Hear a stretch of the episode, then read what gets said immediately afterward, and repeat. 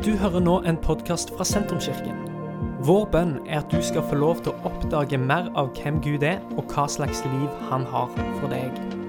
Mer informasjon om hvem vi er og hva som skjer i kirka, befinner du på sentrums.no og i sosiale medier.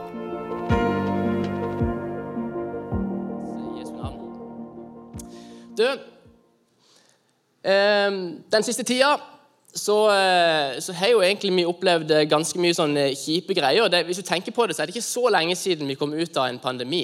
For, altså for min egen del så, så, så slo det meg her om dagen at, at jeg har helt glemt pandemien. Men det er jo bare noen få måneder siden vi faktisk kom ut av siste lockdown. Jeg har ikke noe tenkt på Det Det er ganske, ganske kort tid siden. Eh, og De siste årene har jo vært prega av det. Nedstenging, dystre tall, kjipe nyheter. Og, og, og, Det er kjipt å gå gjennom lockdown og hele den pakka der. Eh, og så er det litt sånn lett tenker jeg, noen ganger å bli negativ når livet butter imot, når du kjenner at dette her er kjipt. Så i dag så har jeg lyst til å prate om ikke pandemi, men jeg har lyst til å prate om kraften i våre ord. Hvordan vi dealer med det som skjer med oss. For vi har ikke alltid kontroll eh, om det som, det som, skjer rundt dere eller mot dere, men vi har kontroll for hvordan vi tenker og snakker om det som skjer. Hvordan vi reagerer på det. Og faktum er at Jeg tror det er enklere for de fleste av oss eh, å tenke og snakke negativt framfor å snakke positivt. Jeg tror det ligger litt i vår natur som, som menneske, eller som nordmenn, da kanskje. Eller kanskje det bare sånn på Sørlandet. det vet jeg ikke. Men vi har ikke alltid kontroll over det som skjer rundt dere, men vi har kontroll over det som vi kan gjøre med det, måten vi kan reagere på det. Så dette her tenker jeg vi må snakke om. Dette her er viktig, for jeg tror at dine ord har kraftig sett til å bringe enten død eller til å bringe liv, for å ta, ta det litt sånn billedlig. Så um, kan jeg bare si for min egen del at jeg vet hvor enkelt det er å bruke ordene mine feil. Uh, og hvor kjapt jeg tyr til klaging og, og, og negative tankemønster og blir, blir litt sånn kjip person. Jeg har jo ikke lyst til, til, å, til å, være sånn. Uh, og, så, og, så, tenker jeg litt av og til, så ser vi på, på våre virtuelle liv på Instagram at det ser jo ikke ut som at vi er folk som noen gang klager eller har det kjipt. i det hele tatt. Vet ikke om du noen gang har kikka på en Instagram-profil og du tenker fytti, disse her folkene de har bare naila livet. Her, det er ingenting galt i deres liv. De bare koser seg. Ekteskapet er perfekt, ungene er perfekte, de gjør aldri noe galt. De har bare de beste jobbene, de beste og fineste bilene og fineste husene. Alt er helt, helt perfekt. Og så tenkte jeg litt eh, på når meg og Lisa fikk barn for første gang. Når vi fikk eh, Ellie. Vi skal bli foreldre. Vi nøt hvert sekund, men vi hadde bestemt oss på forhånd at vi skulle ikke bli sånne foreldre som på en måte forsvant fra jordas overflate så fort vi fikk barn. Vi skulle, vi skulle fortsette å gå all in, vi skulle være all in på jobb, eh, i kirka. Vi skulle bare tjene som aldri før, gå på alle konferanser og ledersamlinger. og bare, eh, Barna de skulle være med på det som, det som vi gjorde. Og Det høres jo fint ut. Og Dette resulterte jo da i at vi tok med oss vår eh, to og en halv måned gamle jente Ellie på en eh, fem dagers lederkonferanse i Atlanta i USA. Mens eh, alle andre i reisefølget kom ned liksom, til matsalen uthvilt hver morgen, så kom liksom meg og Lisa sånn haltende ned. Vi hadde vært oppe hele natta. Fordi at Ellie på to og en halv måned hun var ikke så fornøyd med å, å switche rundt døgnet. Så hun bare fortsatte i, liksom, i Norgetid. Det var jo ikke så forferdelig gøy. da. Men konferansen den var veldig bra. Den handler om det som eh, er visjonen til kirka vår. Gi Jesus videre til en ny generasjon. Eh, og Selv om undervisninga og alt som skjedde, var enormt bra, så har jeg ikke tallet på hvor mange ganger jeg, liksom, duppa med hodet og jeg klaga til Lisa for at dette her var en dårlig idé. Hvem i alle dager var det som sa vi skulle bare kjøre på, ha med unger på alt mulig? Vi skulle vært hjemme, tatt med ro, fått hjelp av foreldre, bare chilla litt i sofaen. Men her var vi da på, på en konferanse da, som jeg sa, så syns jeg det er litt gøy å se på folk sine Instagram-profiler. Eh, og noen ganger bare tenke fram historien som er bak, bak bildet vi ser. Eh, og Hvis du kikker på, på min Instagram-profil, så ser du sikkert eh, et eller annet bilde av, av, av meg og Lisa som holder Ellie, og det er smil og god stemning. og Sikkert noen bilder med løfta hendene inn, inn, i storsalen der, og, og god, god, stemning. men så tenkte jeg bare kunne vise litt av bildene her, så blir dere litt kjent med oss her. Bare sånn til en intro. Vi skal få det på skjermen. Her ser dere, Vi er på konferanse. Det er god stemning. Det er 20 000 i salen her. Det er maks eh, Jesus-faktor. Og her sitter jeg eh, superhappy fordi at eh, jeg har barnefri. Lisa hun sitter i et annet mørkt rom og ikke får med seg noen ting, for hun må amme Ellie. Og så går vi videre. Det er burger, det er god stemning. Vi bowler. Lisa satt i bakkant og amma. Vi går videre. Her er koser vi oss òg. Det er jo pannekakefrokost i kjent eh, amerikastil og store kaffekopper. God stemning. Så videre. Her koser vi oss enda mer. Vi er på eh, sightseeing, og det er Colamuseum og det hele. Så går vi videre. Det er Baby Shark opp til venstre der. Lisa som eh, ammer i fart fordi at eh, Ellie hun skulle eh, bare grine i en time i strekk. Så går vi videre. Så Her ser dere det som begynner å bli realiteten. Det er det at på, Når vi kom til dette punktet her i, i denne femdagersturen vår, så, så resten av bildene, det er ikke så forferdelig mange bilder igjen der meg og Lisa holder Ellie. Men det er fryktelig mange bilder der Chris Michael til høyre holder, eller rundt og passer på Ellie, og Thomas her passer på Ellie. Og, og der, Jeg fant dette bildet her. Der står liksom Ellie midt, midt i en sal. Jeg, jeg aner ikke hvor mye av henne, men, men ja, det, et eller annet skjedde der. Så får vi håpe at ikke barnevernet ringer her. Men så går vi videre. Her sitter vi på en parkeringsplass. Jeg tror det er tolv på natta. Vi spiser burger. Det er USA. Det er det Karoline som holder Ellie der. Hun sitter i pysjen. God stemning, gode foreldre. Og vi går videre. Her er vi da på en sånn kinarestaurant. Jeg vet ikke om dere har vært på sånn der man sitter og spiser mens eh, kokken kaster mat i munnen på deg. Så jeg skulle liksom ta et koselig bilde her med, med Ingunn Ulfsten og, og Chris Michael og Thomas som, som koser seg med Ellie. Og så ser vi på neste bilde, så, så aner jeg egentlig ikke henne, henne er blitt av, men Chris Michael her, han får mat i munnen, og det er god stemning, og Ingunn hun tar helt av. vet du. Så det var sånn det gikk denne uka her. Jeg vet ikke om det er flere bilder. Det er vel ett til kanskje med, med Thomas, som, eh, som, var den egentlige forelderen denne uka der. Det er jo herlig. Ohoi. Det du ikke ser, det er alt kavet, all klaginga som skjedde når du kikker på vår Instagram-profil. Men det var mye av det. Det er jo det som er livet. sant? Det er gode tider, og det er dårlige tider. Det er klaging, og det er takknemlighet. Eh, og selv om jeg og Lisa i dag aldri hadde latt dere gå gjennom noe sånt igjen, så eh, ja, så lærte vi jo noe, da, i hvert fall. Så I dag skal vi se på to forskjellige perspektiver. To forskjellige historier der begge to handler om eh, hvordan vi bruker ordene våre. To ekstreme situasjoner, men to helt forskjellige perspektiver og, og utfall. Og Når jeg tenker på klaging i Bibelen, så, så kommer det jo opp mye greier. da. Jeg vet ikke om du har lest gjennom Bibelen, men det, det, er mye forskjellig. Det er mye klaging i Bibelen. Men jeg tenker spesielt på israelittene som var på vei ut av Egypt. Eh, og Hvis du ikke har hørt historien, så hadde israelittene vært slave i Egypt i eh, 400 år. Eh, og eh, Så kaller Gud Moses til å lede Israels folk ut av Egypt. Og Da ble det jo selvfølgelig stort rabalder når eh, farao, lederen der, hørte om dette. her. Han skulle miste sabla god arbeidskraft, og han ville jo ikke la dette her skje i det hele tatt. Men Gud i sin storhet hadde lovt at han skulle være med Israel, for det var hans sitt folk. Og Det er her det begynner å bli gøy, for la du merke til at jeg sa at israelsfolket var Guds folk. Du ser Det, det ser ut som at israelittene gang på gang når du leser historien om, at, om hvordan de skulle ut av Egypt og liksom komme seg til, til, sitt eget land, at de glemmer det. De glemmer at de var Guds folk. De glemmer Guds løfte gang på gang. Gud gjorde store mirakler for at israelittene skulle komme seg ut av Egypt. Han sender ti landeplager mot egypterne, og hver gang så sparer han israelittene. Han deler Rødehavet for at israelsfolket skal komme seg tørrskodd igjennom, og så slipper han det ned igjen når fienden kommer for å ta dem. Han gir dem manna ifra himmelen, sørger for at de aldri er sultne i løpet av 40 år. Han sørger for at klærne de gikk med, aldri ble slitt, og han sto på pinne for dem. Og Likevel så presterer de å si i andre Mosebok Vi skal lese det på skjermen her. De sa til Moses.: Fantes det ikke graver nok i Egypt siden du har ført oss ut i ørkenen for å dø?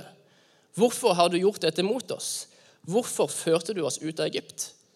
Var det ikke det vi sa til deg i Egypt? La oss få fred, så.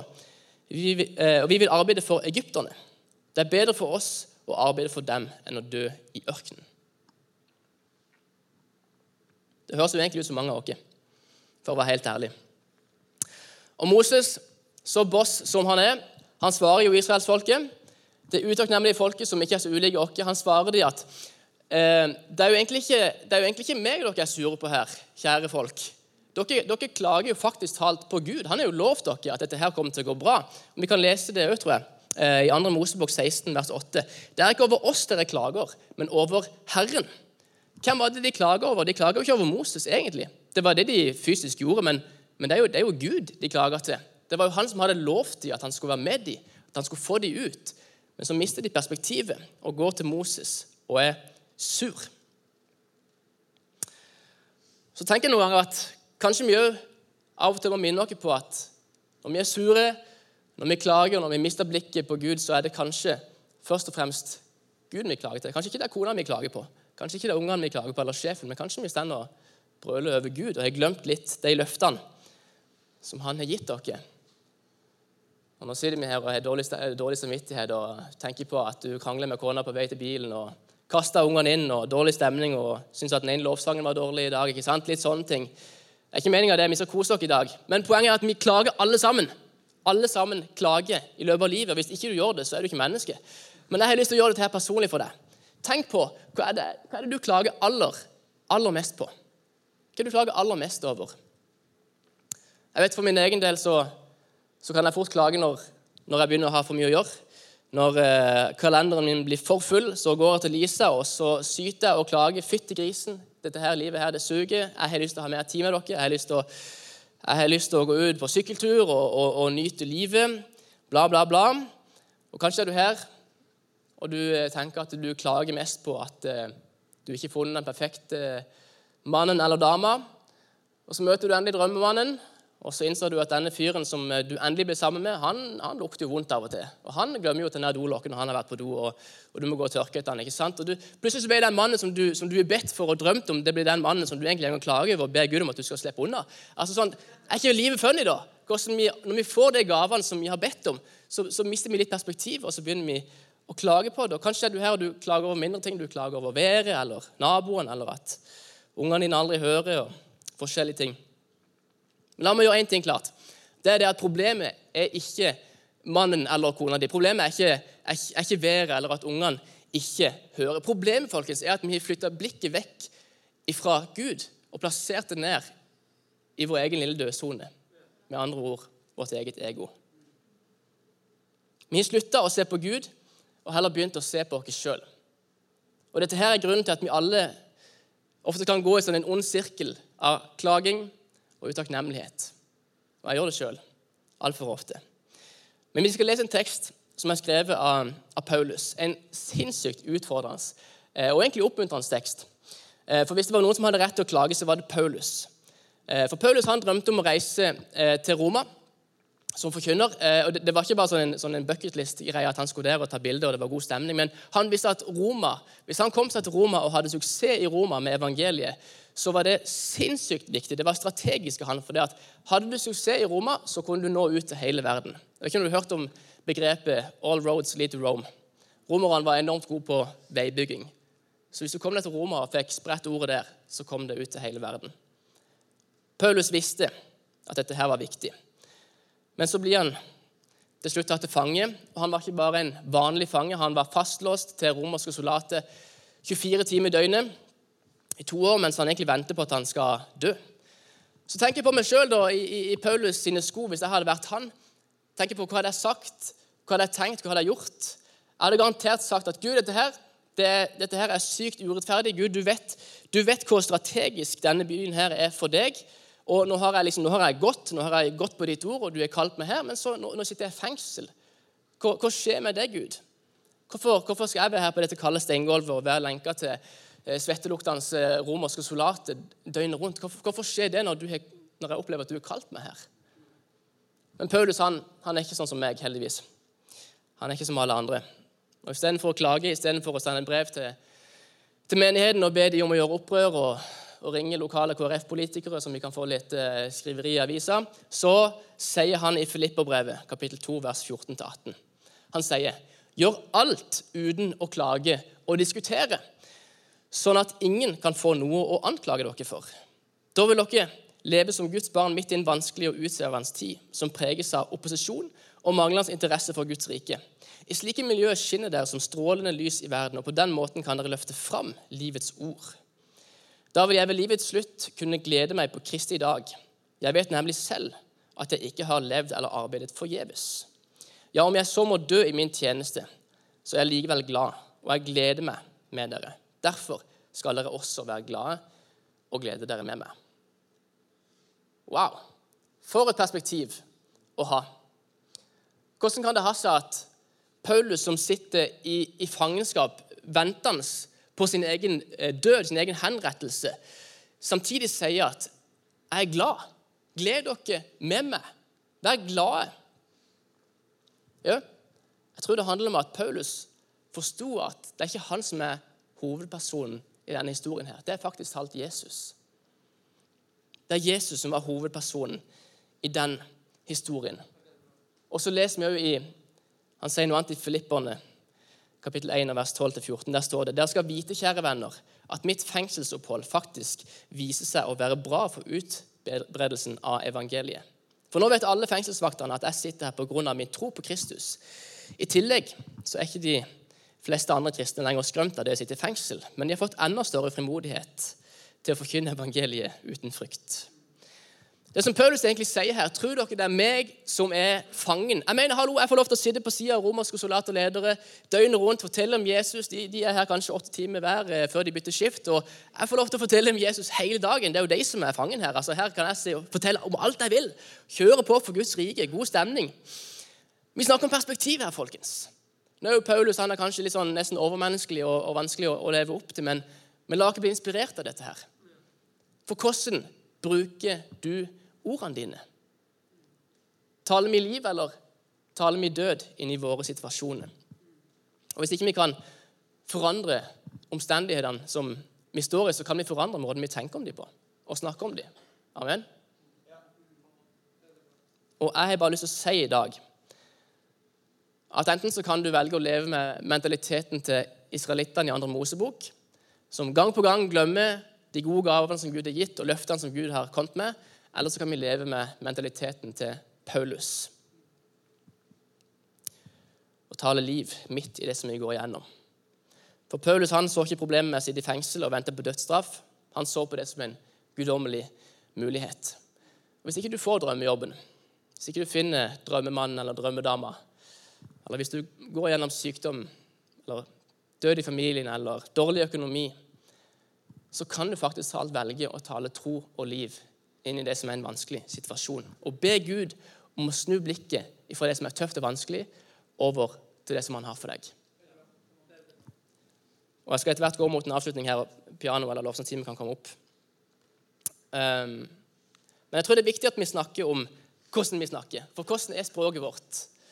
Taler vi liv, eller taler vi død over oss sjøl, de rundt dere, familien vår, situasjonene som vi er i? Eller hvordan snakker vi? La oss ikke fokusere på det som vi ikke har, folkens. Men la oss være takknemlige for det som Gud har lovt dere, og det som vi allerede har. Så fort vi klarer å løfte blikket mot Jesus og vekk fra oss sjøl, så tror jeg vi har funnet en viktig nøkkel i livet. For selv om for selv om din situasjon kanskje virker umulig Jeg vet ikke hvor du går gjennom akkurat i dag. Kanskje er du her og livet er en fest, og du bare elsker livet. Eller kanskje er det utfordrende. Kanskje er det kjempetøft. Men uansett så tror jeg vi har muligheten til å stole på at Gud han har noe bedre. Det som ligger foran, er bedre enn det som ligger bak. Og Min bønn for deg i dag er at du skal begynne å tale liv inn i dine situasjoner. Om det er en umulig situasjon eller bare en vanskelig situasjon. Og jeg har bare lyst til å fortelle en, eh, en historie veldig kort eh, om ei dame som, som, gikk i menigheten som meg og Lisa eh, var en del av før vi kom til sentrums for veldig mange år siden. Eh, hun heter Nordis, og hun, hun, har liksom bare alltid, alltid, vært en del av menigheten der i Misjonskirka i Lyngdal. der vi gikk da. Eh, og Jeg husker veldig godt en dag vi fikk beskjed om at Nordi, som på en måte alltid var den som smilte, som alltid var den som, som, som tjente andre og, og, var med i diakoniarbeid, og var alltid der og oppmuntra folk hun fikk eh, kreftbudskapet at dette her går dårlig. Eh, og jeg tenkte liksom Hvorfor, hvorfor skjer dette her, eh, hvorfor skjer dette her, Gud? Nordi som har tjent deg i alle år. Hvorfor skjer dette nå? Eh, og, så, og, så, og, så, ser vi etter hvert eh, så ser vi det kommer flere og flere takkerapporter fra mennesker som, som har blitt berørt av Nordis på dødsleiet sitt. Hvordan hun så på den vanskelige situasjonen sin som en mulighet til å forkynne om, om Guds evangelium. Hun, hun, sa jeg er så takknemlig for at jeg, at jeg, kan få lov til å være her på sykehuset. For jeg, får, jeg vitne for så mange mennesker akkurat nå, denne vanskelige tida her. Og det ble folk det var folk som ble frelst i løpet av dødsleiet til Nordis. Og sjøl her så har vi historie om folk som har gått vekk. Eh, sist nå Åsul, som har fått lov til å påvirke så enormt mange mennesker. Til og med på sitt siste. Så klarer vi å bli velsigna gjennom Åsulf. Eh, Gud er bare god mot meg. Gi ut sang. Som jeg nå synger hver kveld for mine unge. Og kan høre eh, lille Ellie på to og et halvt, eh, nei, tre, tre og et halvt nå, som, som synger i baksetet, og som til slutt sier Pappa, Jesus han er bare så god mot dere. Så god mot dere. Og Det er jo et vitnesbyrd på det å ha blikket festa på Gud gjennom alt. Vi leser Salme 103, vers 2-5. Velsign Herren min sjel. Glem ikke alt det gode han gjør. Han tilgir all din skyld og leger alle dine sykdommer. Han frir ditt liv fra graven og kroner deg med barmhjertighet og kjærlighet. Han metter ditt liv med det gode. Du blir ung igjen som ørnen. Amen. Og jeg har jo en veldig god mamma. Eh, og når jeg var ganske liten, enda på barneskolen, så husker jeg hun sa til meg jeg gikk gjennom noe tøft. Så husker jeg hun sa til meg André, når jeg har det tøft, så pleier jeg å, å, å gå til Gud og så be til Han, og så, så, begynner jeg med å takke Han for at Han allerede har gjort det som jeg skal be om. Og jeg husker når jeg var liten, så, så, så tenkte jeg ja, det er fint, og så, og gjorde jeg det. Men etter hvert når jeg er blitt voksen, så har jeg bare mer og mer tenkt på de ordene hun sa. Skal jeg takke før jeg har fått det? Men det handler kanskje om at vi går inn i en, en posisjon av en posisjon av tro. Posisjon av å tro at Gud har så mye mer. Og Når ting er vanskelig, så kan vi takke Gud for at han er med. For at han har noe bedre for oss. Vi kan stole på han. Velsign Herren min sjel. Glem ikke alt det gode han gjør. Dette er slutten på denne podkastepisoden. Har du spørsmål om Jesus, om tro, om livet? så er du hjertelig velkommen til å ta kontakt med oss via sentrums.no.